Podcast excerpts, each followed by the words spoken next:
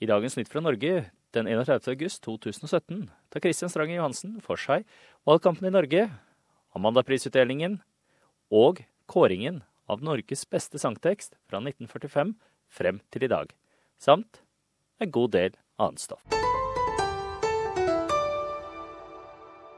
11. september er det stortingsvalg, så da passer det godt å begynne med det. Hvordan ser den nyeste meningsmålingen ut?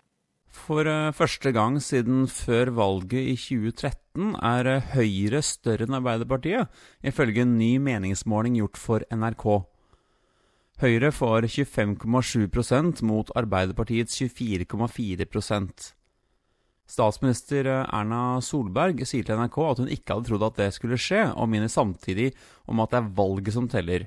Og jeg kan jo legge til at Arbeiderpartiet har vært større enn Høyre i alle valg, faktisk siden 1924. Frp får 15% og Senterpartiet får 10,6% oppslutning. Senterpartiet er det partiet som har hatt den største framgangen før dette valget. I 2013 fikk partiet bare 5,5% men med Trygve Slagsvold Vedum som leder har partiet fått økt oppslutning og stjeler bl.a. noen velgere fra Ap. Dette valget kan bli spennende fordi det er hele fem partier som ligger rundt sperregrensa på 4 Kommer man over denne grensa, er man kvalifisert til å få utjevningsmandater, og dette kan få store konsekvenser for antall representanter i Stortinget. På NRKs måling ligger Rødt og Venstre under sperregrensa, mens Miljøpartiet De Grønne, KrF og SV ligger litt over. Jonas Gahr Støre har sagt ja til å repetere samarbeidet med Senterpartiet og SV, men vil ikke ha Rødt og De Grønne i regjering. KrF har framstått som en av FrPs største motstandere, og vil ikke fortsette å støtte en regjering med det partiet. Nøyaktig hvordan et regjeringssamarbeid blir seende ut etter valget, er derfor noe uklart, og årets valg vil bli spennende. Hvilken sak har vært den mest diskuterte i det siste? Du kunne også ha spurt meg hvilken statsråd som er blitt mest diskutert i det siste, for det er nemlig innvandrings- og integreringsminister Sylvi Listhaug fra Fremskrittspartiet. Og det er hun som har fått da mest oppmerksomhet utenom statsministerkandidatene. Jeg kan aldri huske at en eh, statsråd har vært så omdiskutert som henne. Hun har jo mange tilhengere, faktisk, men eh, noen av hennes tydeligste motstandere er politikere som Knut Arild Hareide, partileder i KrF og samarbeidspartner med regjeringen. Listhaug er blitt beskyldt for å bruke kommentarfeltspråk mot Hareide, og har fått korreks av statsministeren og kritikk av en tidligere Frp-er. Abid Raja fra Venstre, også et samarbeidsparti, sier at Listhaug nå bevisst velger å gjøre regjeringen venneløs. Denne uka har hun fått mye oppmerksomhet for et eh, besøk i Rinkeby, en problemfylt eh, bydel i Stockholm, hvor det store flertallet har utenlandsk bakgrunn. Svenske politikere, inkludert nåværende og tidligere statsminister, har kritisert besøket, som var ment å lære hvordan man ikke skal ha det i Norge. Et forslag om å sette asylsøkere, asylsøkere med uklar identitet i lukkede mottak, og dermed sette menneskerettighetene til side, er blitt avvist av Solberg, men eh, samtidig forsvarer hun Listhaugs rett til å eh, uttale seg om nettopp dette. Og hvilke andre saker bør vi nevne? Det er kanskje to andre områder som har vært sentrale i denne valgkampen. Den ene er ulv, og den andre er miljø. Høyre, Frp og til dels Arbeiderpartiet vil ha en konsekvensutredning i Lofoten, Vesterålen og Senja med tanke på mulig oljeboring, noe som de fleste andre partier avviser totalt. I tillegg har ulven blitt et stridstema og nærmest en symbolsak i kampen mellom distrikter og byer. Den typiske tilhenger av å bevare dagens ulvebestand er kanskje en person i byen som aldri har sett en vill ulv før, mens den typiske motstander gjerne er en sauebonde i Hedmark, hvor det er flest ulver. Ifølge Rovdata var det sist vinter noe over 100 ulver som har helt eller delvis tilhold i Norge. Folk som bor i områdene øst for Glomma, er bekymret for at eh, ulvene tar mange sauer, og at den også kan komme veldig nær folk. Senterpartiet er det partiet som i størst grad støtter denne gruppen, og har i tillegg trolig også profittert på folks misnøye med kommunesammenslåinger og en politireform. Ellers så kan jeg nevne at Arbeiderpartiet og andre på venstresida er opptatt av tradisjonelle saker som økte skatter og nei til privatisering. Hvis jeg har talt rett, så er det 24 partier som stiller lister i år, og åtte av dem er med i stortingsvalget for første gang, bl.a. Helsepartiet og Alliansen. Samtidig med stortingsvalget er det sametingsvalg, og det skal velges 39 mandater til Sametinget i Karasjok. Bare velgere som er registrert i Sametingets valgmanntall, kan stemme. Vi skal også ha litt sport. Hvordan har det gått med norsk fotball i det siste? Det gikk ikke så bra for de norske damene i EM i juli.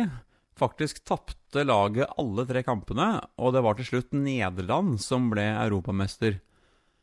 I toppserien er det tre gamle kjenninger som ligger øverst. LSK Kvinner, Avaldsnes og Stabæk. Medkila har ikke vunnet en eneste av de 15 spilte kampene i år. Blant herrene er det fortsatt 100-åringen Rosenborg som ligger øverst på tabellen, fulgt av Sarpsborg 08 og Brann. Bodø-Glimt ligger suverent øverst i førstedivisjon, mens HamKam leder andredivisjon avdeling 1.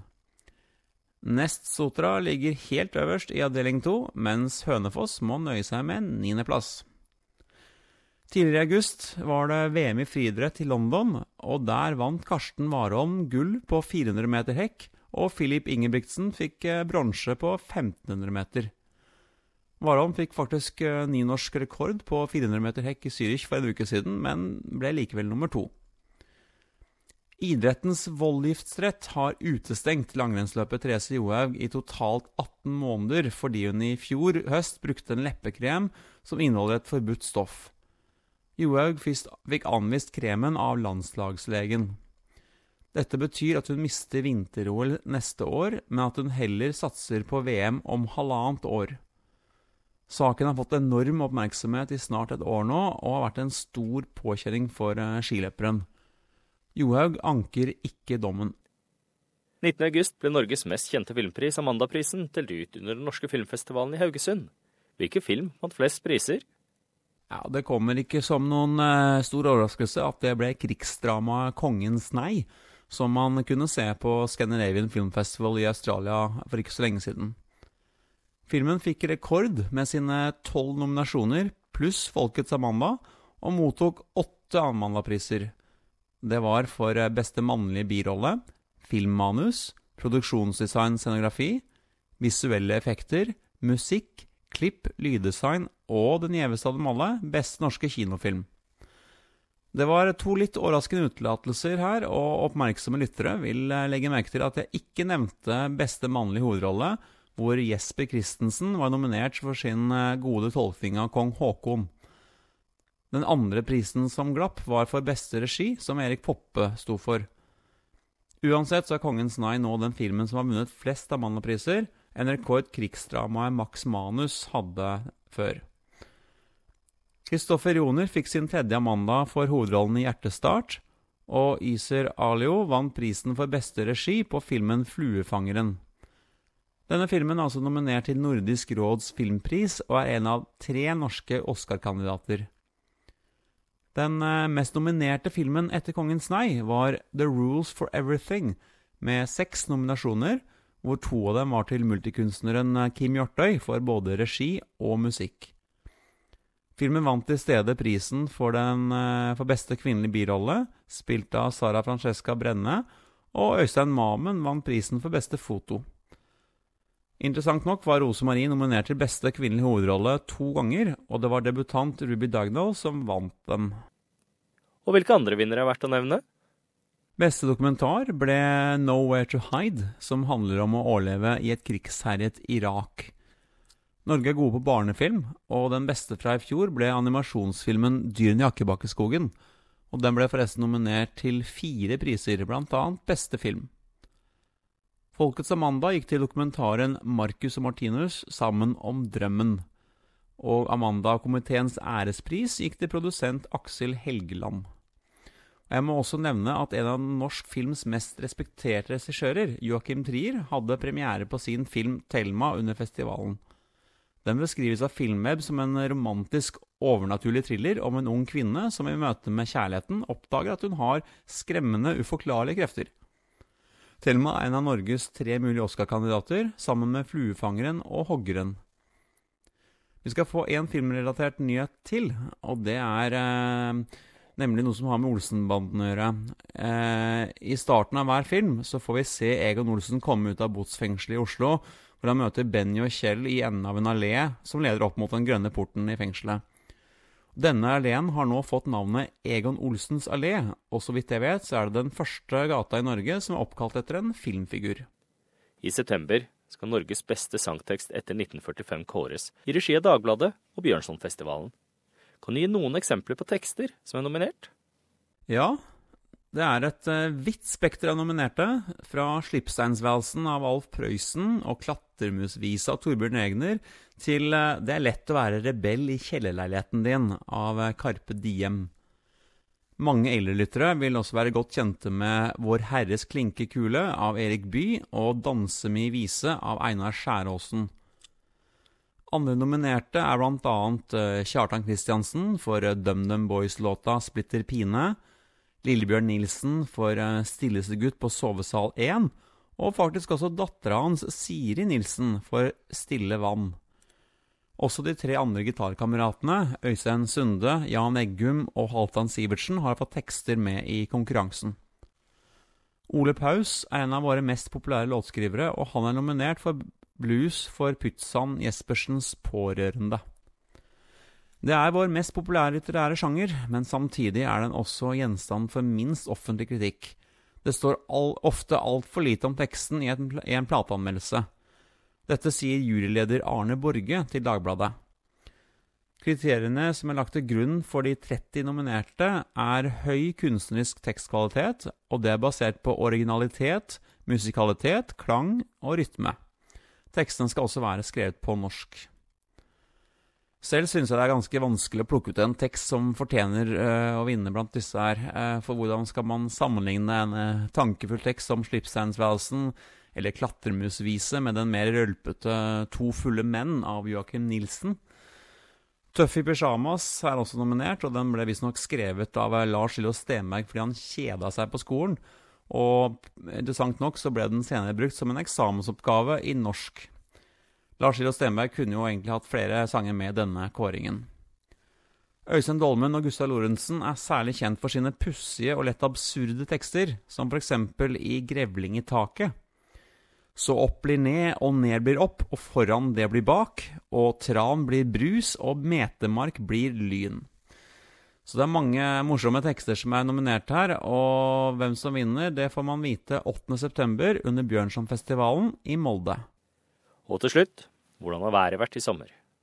Ja, Vi liker å snakke om været, og det spesielle med sommeren i år er at vi ikke har hatt noen dager i juli med temperaturer på over 30 grader.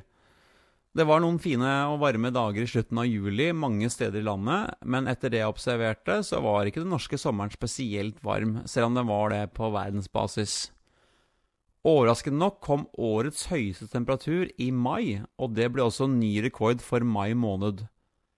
Nedre Eggdal i Buskerud fikk hele 31,8 grader 27. mai, og etter det jeg vet, så er det den nest tidligste datoen i året som oppnår årets høyeste temperatur.